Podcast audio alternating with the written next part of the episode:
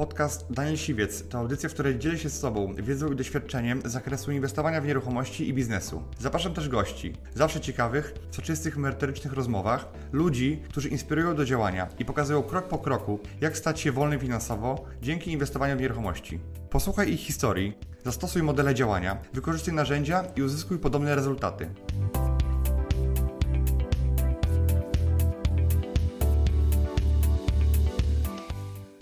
Witam Was w nowym odcinku Business Lidera. Moim dzisiejszym gościem jest George Granda. Cześć Grzesiek. Hej. Cześć. Słuchajcie, Grzesiek jest e, dyrektorem oddziału e, firmy, która udziela kredytów albo e, pomaga klientom uzyskać kredyty hipoteczne, bo wiele osób pisało do mnie i, i czy pytacie w komentarzach, e, jak wygląda sytuacja kredytowa, czy możliwe jest dzisiaj, żeby uzyskać kredyt, więc chciałem Wam trochę e, popowiadać z Grzesiem na ten temat, bo sytuacja jest bardzo dynamiczna. W mediach się mówi o różnych zmianach, o to, co robią banki, to, czego nie robią, więc chcielibyśmy Wam przybliżyć tą sytuację i pokazać, jak teraz wygląda oblicze rynku. Tak? Mamy czerwiec 2020 i chcemy pokazać Wam, co się zmieniło, na co możecie liczyć, co jest fake newsem, a co jest, co jest prawdą.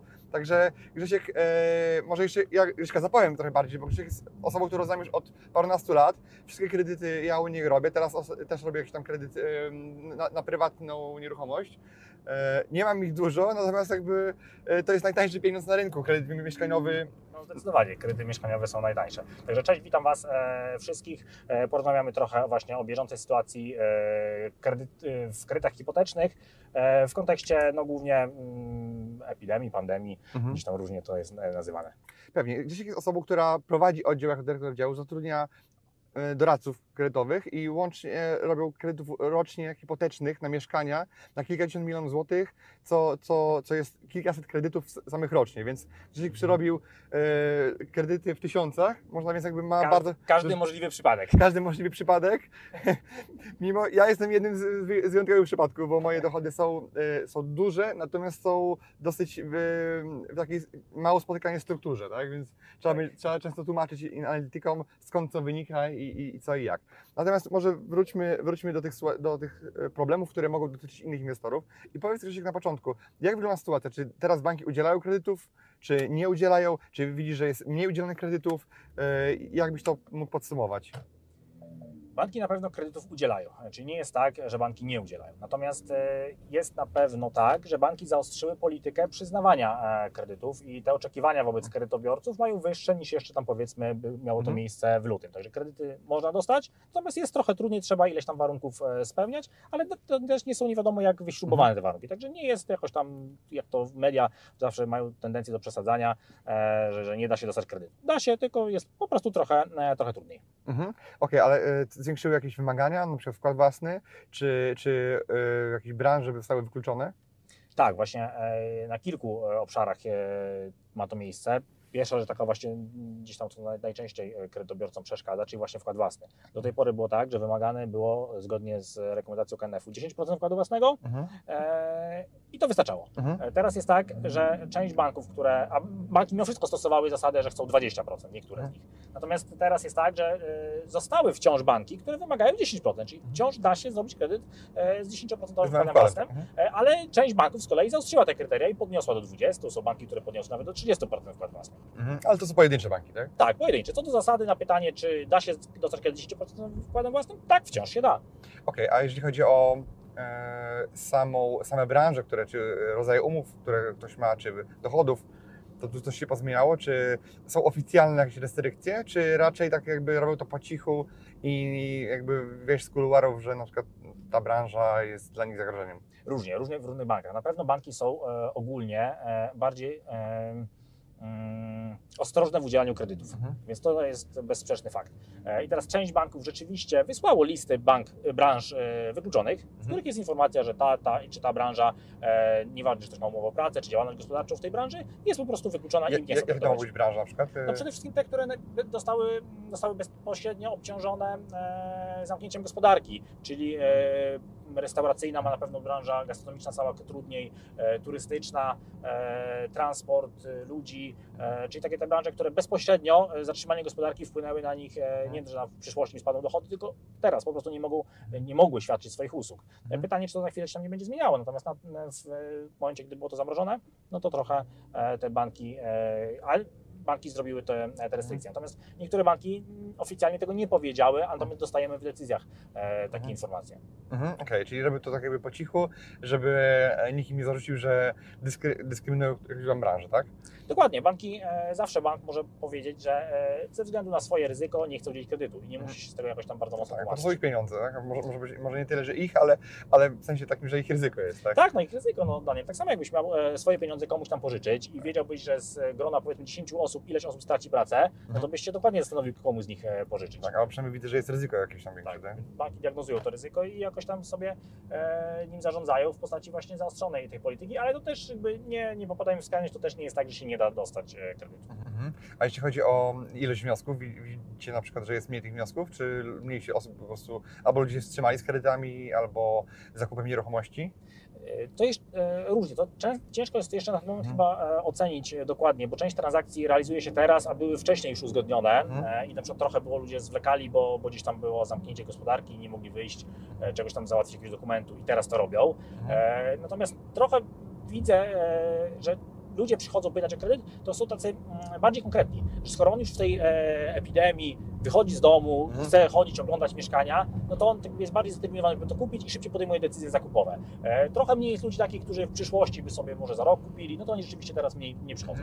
Ale ci, co przychodzą, to już bardziej chcą to zrobić To jest tu i ten teraz. konkretni, którzy, a jeśli chodzi, widzisz na przykład, że więcej osób, którzy kupują dla siebie, czy bardziej inwestorów?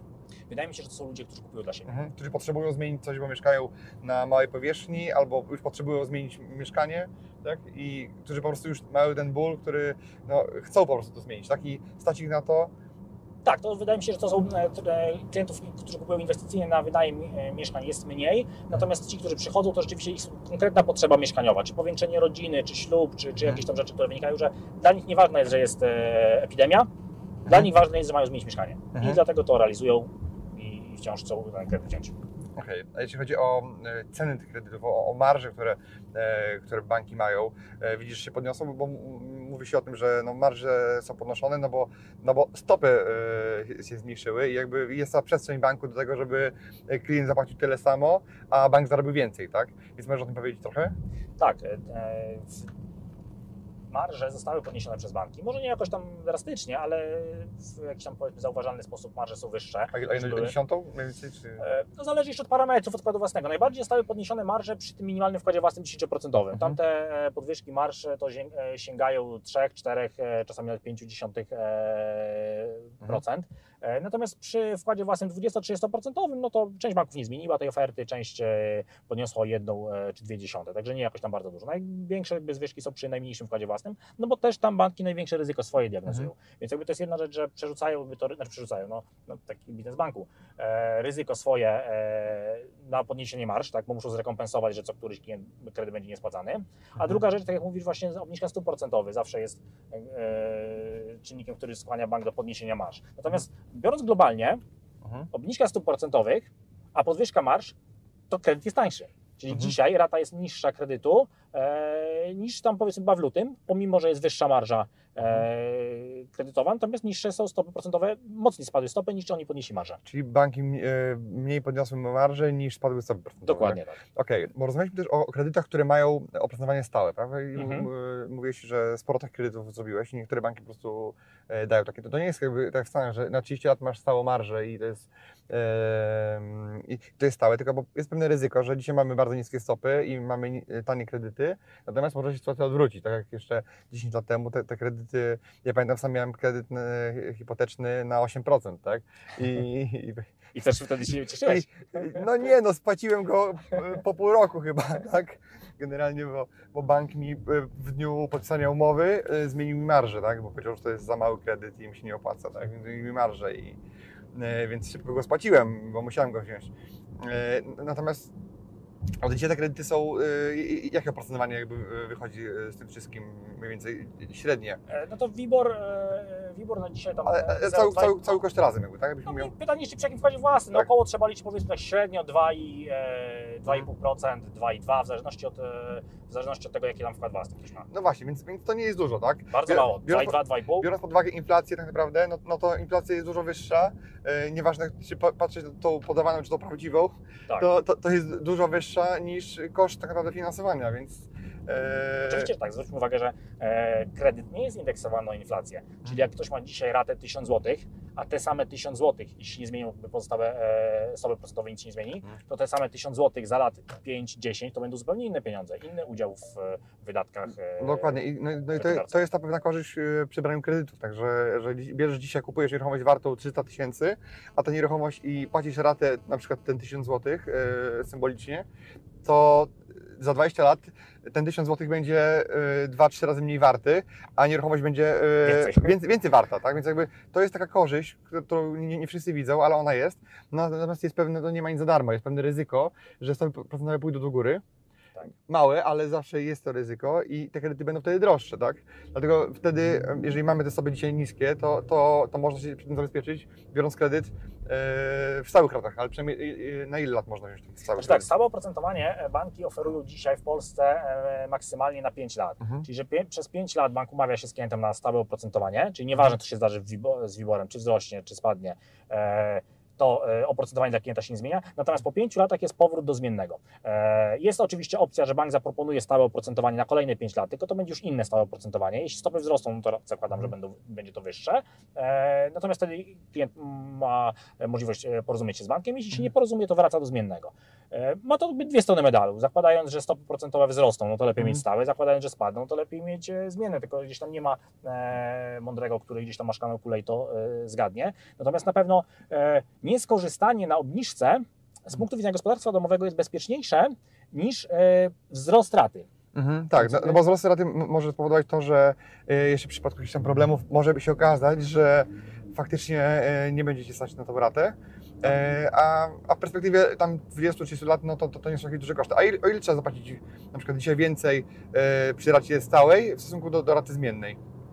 E, To znaczy tak, zależy to też w, od kilku tam zmiennych, e, natomiast tak średnio dzisiaj e, raczej oprocentowanie na tych stałych, które banki e, proponują, jest około 0,3-0,4 e, punktu procentowego, e, wyższe niż gdyby mieli to na zmiennych przy dzisiejszym poziomie zmiennej, e, zmiennej stopy e, procentowej. Mhm. Czyli jakby, gdyby wzrosło o 0,4 to byłoby neutralne, czyli jakby klient dzisiaj Mhm. płaci e, o 0,4 powiedzmy e, punkta więcej, tylko że e, ciężko, e, ciężko stwierdzić, e, kiedy to się zmieni, bo banki w ten sposób w pewnym sensie mogłyby dyskontować jakąś tam podwyżkę stóp procentowych. Mhm. Tylko, że to się zmienia w zasadzie niemalże codziennie. Tak? Czyli te stałe stopy procentowe to banki zmieniają co tydzień, niektóre wręcz codziennie. Czyli dzisiaj sprawdzamy tyle, jutro sprawdzamy, może być inna wartość.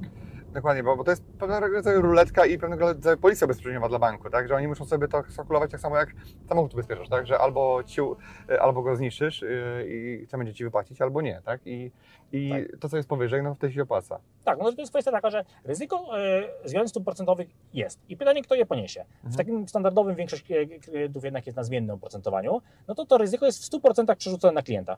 To klient albo będzie miał wyższe, albo niższe stopy Mhm. procentowe, bank zarobi swoją marżę i już. Mhm. Tutaj jest tak, że przez 5 lat to ryzyko bierze jednak bank na siebie. Tak? Mhm. I e, bank sobie oczywiście ma ekonomistów, kalkuluje i tak dalej. Natomiast 5 lat bierze na siebie to ryzyko, klient wtedy e, go nie ponosi. No i jakby trochę gdzieś tam za to ryzyko mo, może zapłacić, e, ale no, jest dla niego to e, bezpieczniejsze rozwiązanie. No bo z dwóch, jakby, kto jest jakby stroną profesjonalną tej umowy, bank czy klient? No, no jak najbardziej bank ma większe e, narzędzia, żeby coś tam przewidzieć. Także e, jest opcja, jakby, część ludzi e, e, wybiera to, część nie, to by- każdy ma jakieś tam swoje przekonanie, czy, czy stopy wzrosną, czy spadną, tak? Okej, a jeśli chodzi o, o kredyty na, na flipy, to powiedz mi, yy, jak to będzie to wygląda? Czy coś się zmieniło w kredytowaniu właśnie takich zakupów typowo na, na, flipa, czy jest dokładnie tak samo? Nie, to jakby w kontekście jakby tego się niewiele zmieniło, bo to wciąż jest ten sam, ten sam kredyt, Mhm. wciąż e, e, trzeba zwracać na, na troszkę inne parametry uwagę niż e, przy kredytach e, tych na mieszkanie dla siebie, gdy chcemy tam mieszkać, Mhm. bo to trochę inna struktura kosztowa powinna być.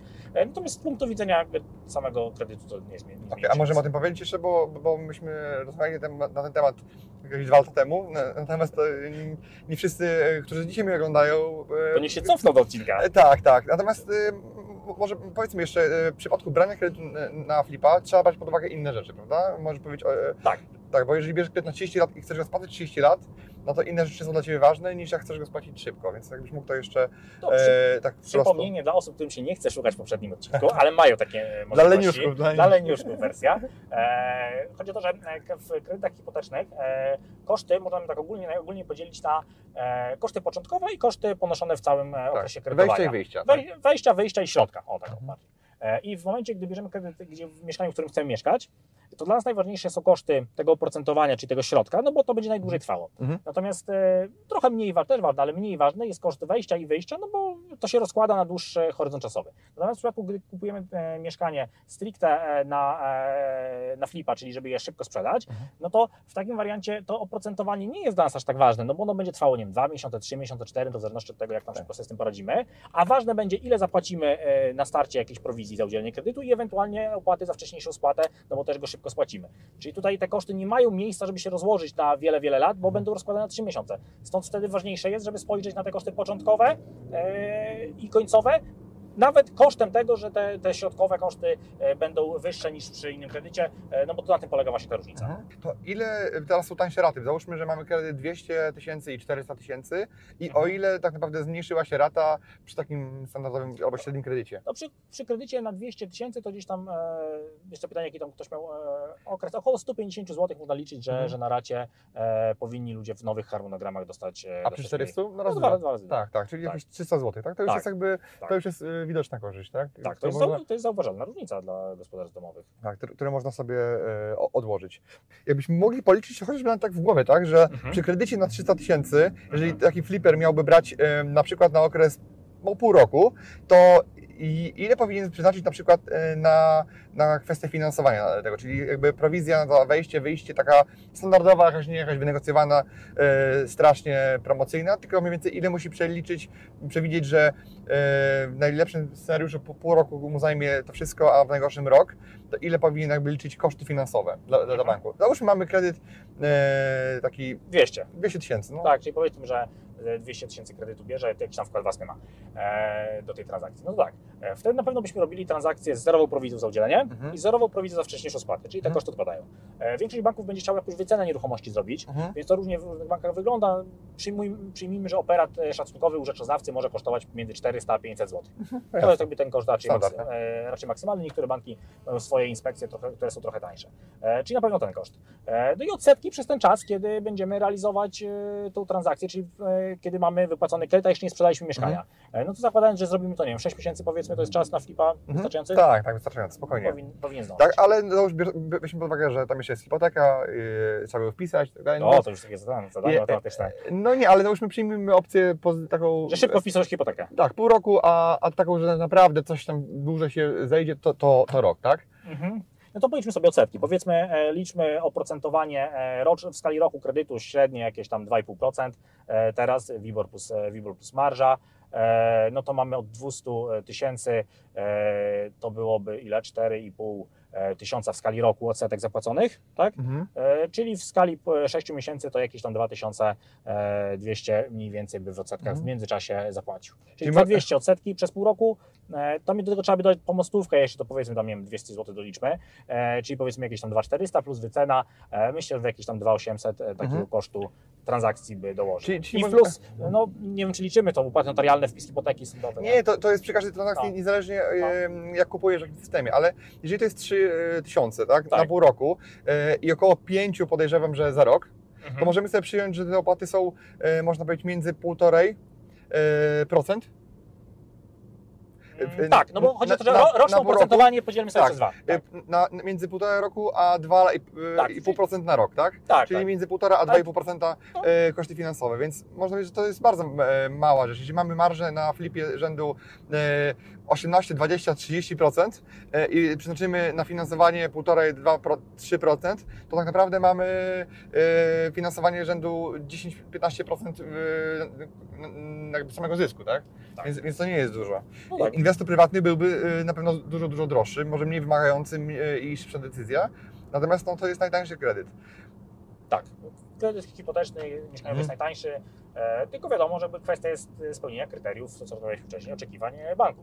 No i właśnie, jakie są te oczekiwania dzisiaj, tak? Czy niektóre umowy, takie jak umowa o dzieło, czy umowy zlecenie dalej są akceptowane, czy tylko umowa o pracę i własny biznes?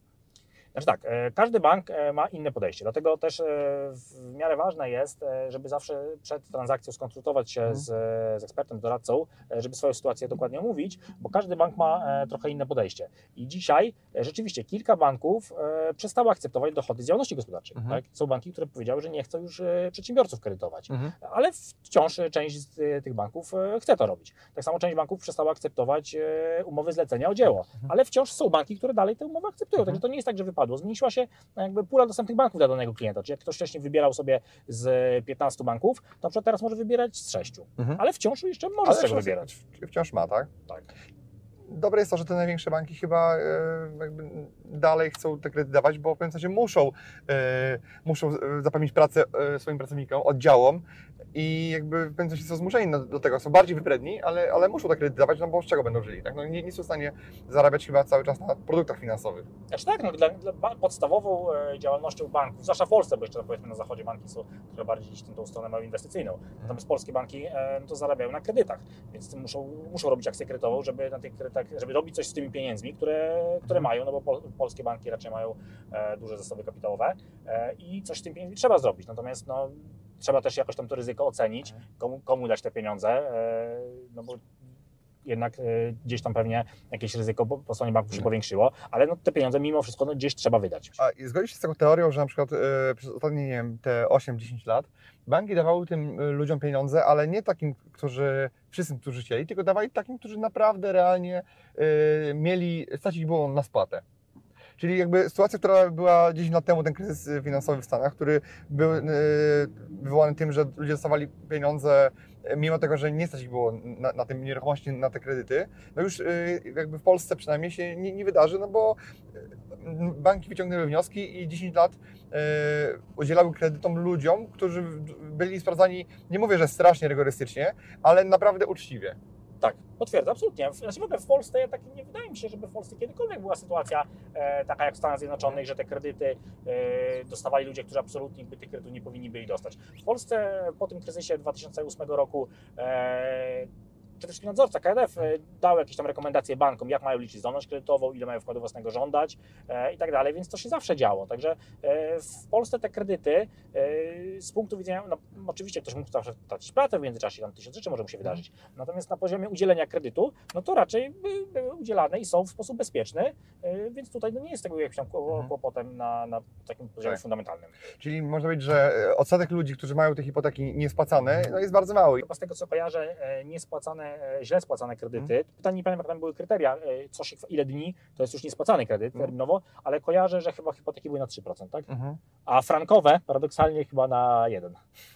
No właśnie, więc jakby sytuacja, e, że tu liczymy na to, że się kredyty będą wysypywać, a ludzie nie będą ich spłacali, jednak jest mało prawdopodobne, no bo dla ludzi kredyt mieszkaniowy czy ten dom to jest coś najważniejszego w życiu i oni, e, to nie jest taka stanie, że dajesz kluczyki, masz, bierzcie to a, i mnie to już nie interesuje, tylko kredyt w Polsce jest związany z osobą dożywotnio i teraz jeżeli ktoś przestaje płacić, to bank mówi nie, nie, nie, ty jesteś naszym niewolnikiem, a nie ta nieruchomość przede wszystkim, tak?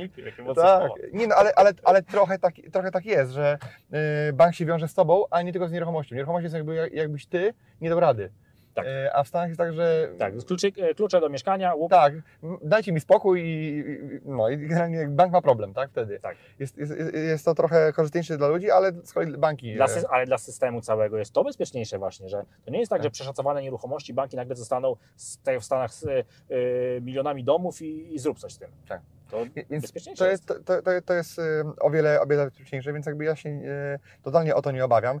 No trochę powiem Ci szczerze, że bardziej liczyłem na te okazje. Może one y, pod koniec roku mm, nastąpią, bo, bo jeszcze gdzieś tam widać, wszyscy, wszystko się ożywiło, wszystko, wszystko jest dobrze.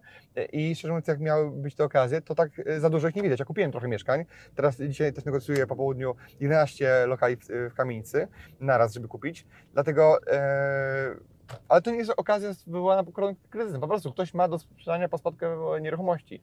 I one były, y, są i będą. Tak, Pytałem Ciebie przed programem, y, czy widzisz jakby ludzi, którzy kupują okazyjnie, czy jakieś, y, w akcie desperacji? Mówię, że nie. No, jak raz jakiś czas ktoś się trafił, który kupuje okazję na flipa, To tak teraz, tak? Tak, to tak, to znaczy teraz wydaje mi się, żeby zbyt krótko jeszcze e, tego Mhm. czasu upłynęło, no bo jak miały jakieś tam mieć miejsce wydarzenia, powiedzmy w marcu, w kwietniu, e, że coś, komuś tam firmę zatrzymano, ktoś, e, e, to ludzie nie potracili tej pracy od razu w marcu, kwietniu. Są te pakiety pomocowe, że jak się utrzyma pracownika przez ileś tam miesięcy, to, Mhm. to, to coś tam się dostanie e, jeszcze e, od państwa. Także e, wydaje mi się, że jeśli ma być tego efekt, to dopiero on będzie niż, niż on jest teraz, bo to jest zbyt krótko e, upłynęło czasu od tego. A to Tak. też jak ktoś, każde gospodarstwo domowe, no jakieś tam oszczędności jeszcze ma, Tak, więc nawet jak straci pracę, to jeszcze chwilę poczeka, zanim To sprzeda może, mieszkanie. to może być rok, no ale To, już... to, się, to się raczej ale wtedy ruszy z kolei, więc to też jest trochę tak, że teraz jesteśmy na jakichś faktach, a za chwilę będziemy na przyszłości żyć. Tak, to, tak, tak, tak, dokładnie. to też się gdzieś tam może zmieniać.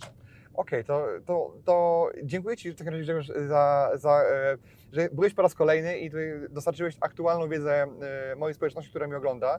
My to robimy dla Was, słuchajcie, żeby Was edukować i po to, żebyście mieli aktualną wiedzę. Także dzięki wielkie Dzięki wielkie. i powodzenia. Trzymaj się. Hej. Dzięki, cześć. Dziękuję Ci, że wysłuchałeś do końca. Jeśli ten podcast był dla Ciebie interesujący, zapraszam do słuchania kolejnych odcinków. A jeśli chcesz jako pierwszy otrzymywać powiadomienia o nowych odcinkach, subskrybuj mój podcast.